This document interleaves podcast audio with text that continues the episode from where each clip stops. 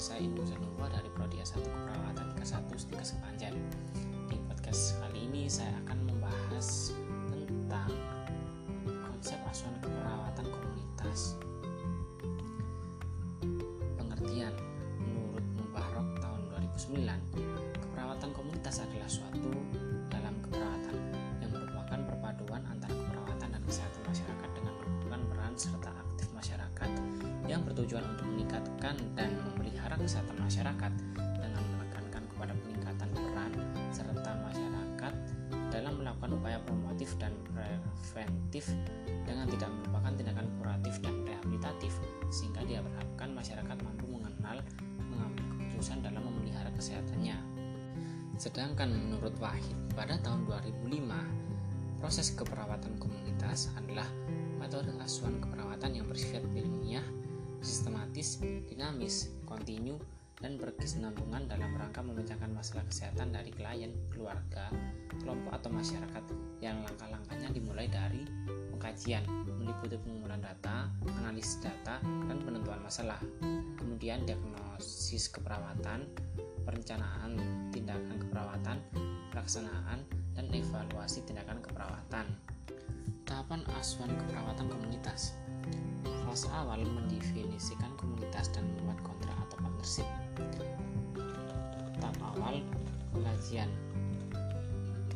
berupa pengumpulan data, mengembangkan database, interpretasi data, analisa data.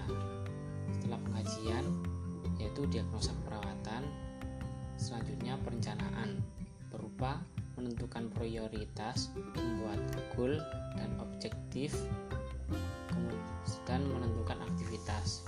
Setelah itu implementasi dan yang terakhir adalah evaluasi. Tujuan pengajian komunitas. Yang pertama mengidentifikasi kebutuhan komunitas. Yang kedua mengklarifikasi masalah kesehatan komunitas. Yang ketiga mengidentifikasi kekuatan sumber-sumber.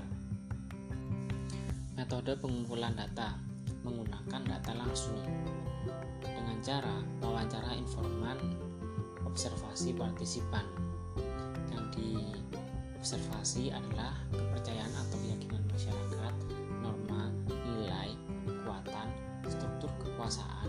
proses penyelesaian masalah. Dan hal-hal yang perlu disurvei adalah kehidupan dan lingkungan masyarakat berupa karakteristik masyarakat, tempat berkumpul, kualitas perumahan, ritme kehidupan bermasyarakat,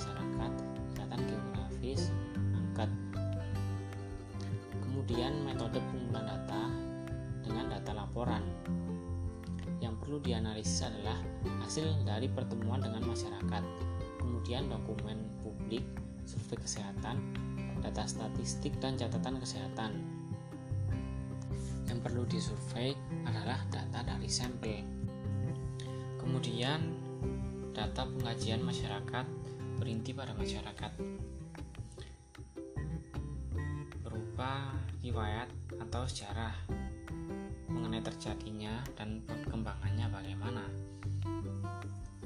Demografi berisi informasi tentang penduduk, usia, jenis kelamin, suku, tipe keluarga, status perkawinan, dan angka statistik penting berupa informasi tentang angka kelahiran, angka kematian, dan penyebab kematian. Data pengkajian sumber informasi dari sejarah perpustakaan yaitu tentang informasi sensus penduduk atau rumah tangga, pencatatan di kelurahan, kecamatan, dan puskesmas, dan kontak langsung atau secara pribadi. Diagnosa keperawatan komunitas Resiko mengidentifikasi masalah spesifik atau resiko kesehatan pada identifikasi klien yang spesifik berhubungan dengan deskripsikan karakteristik masyarakat dan lingkungannya. Kriteria prioritas masalah. Kesadaran masyarakat akan masalah. Motivasi masyarakat untuk menyelesaikan masalah.